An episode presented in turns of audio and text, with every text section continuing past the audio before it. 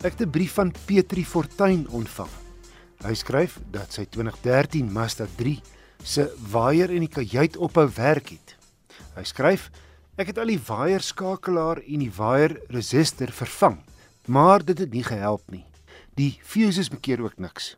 Kan dit moontlik die waier self wees wat dood is? Gee asseblief raad," skryf Petri.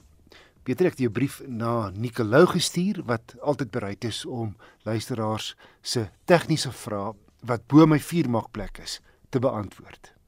Nicol is 'n tegniese konsultant en die besigheidsontwikkelingsbestuurder by SVU Gepantserde Voertuie. Ja, Wessel, dit kan nogal 'n probleem wees as daai waier wat die lig voorsien na jou kajuit besluit om op te hou werk, veral op 'n warm somersdag of selfs in die winter as jy net 'n bietjie hitte binne in die kajuit wil kry. So wat kan die probleem wees? Meneer Fortuin sê vir ons dat sy waier het opgehou werk en hy het nou al die skakelaar vervang en ook die resistor. Nou net vir die luisteraars daar buite, die resistor is gewoonlik daai komponent wat agter daai verstelling sit waar jy die snelheid van die waier kan beheer. Gewoonlik is daar nommers soos 1 tot 5 waar een miskien 'n stadige spoed sal wees en 5 sal volspoed wees. Nou gewoonlik weet mense as daai resistor opgepak het, as die verstellings wat dan uit die stadige waaierspoed tot gevolg het nie meer werk nie. Die laaste verstelling is gewoonlik wanneer die 12 volt direk op daai waaier se motor gekoppel word en dit dan volspoed waai. So wanneer die resistor gaan, gewoonlik is dit so sê nou maar 1 tot 4 wat nie sal werk nie, maar 5 gaan nog volspoed blaas.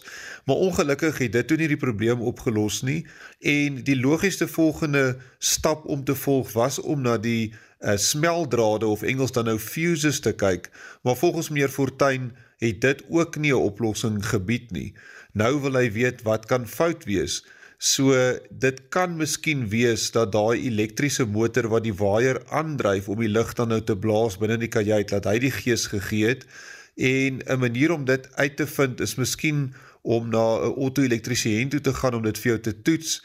Hoe mense dit self sou kon getoets het is jy op 'n manier 12 volt direk op daai motor sou kon koppel, maar dit is natuurlik nie so maklik nie. Natuurlik as daar 'n smeldraad is, dan gee dit dan vir jou toegang tot daai stroombaan, maar andersins sal ek seker van sal die auto-elektriesien presies weet om daai toets te kan doen om te bepaal of die windings van daai motor miskien uitgebrand is.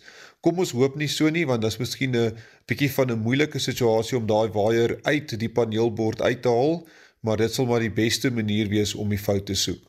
Nicolou, 'n tegniese konsultant en die besigheidsontwikkelingsbestuurder by SVU Gepantserde Voertuie. Nuus van SVU is dat hul ballistiese laboratorium verskeie motoronderdele met 'n AK47 skiet om die impak te bepaal met die hulp van die WNR se hoëspoedkamera. In die 6ste van 'n reeks op YouTube kom 'n elektriese venster se motormeganisme aan die beurt. Stuur gerus enige motornavrae na my.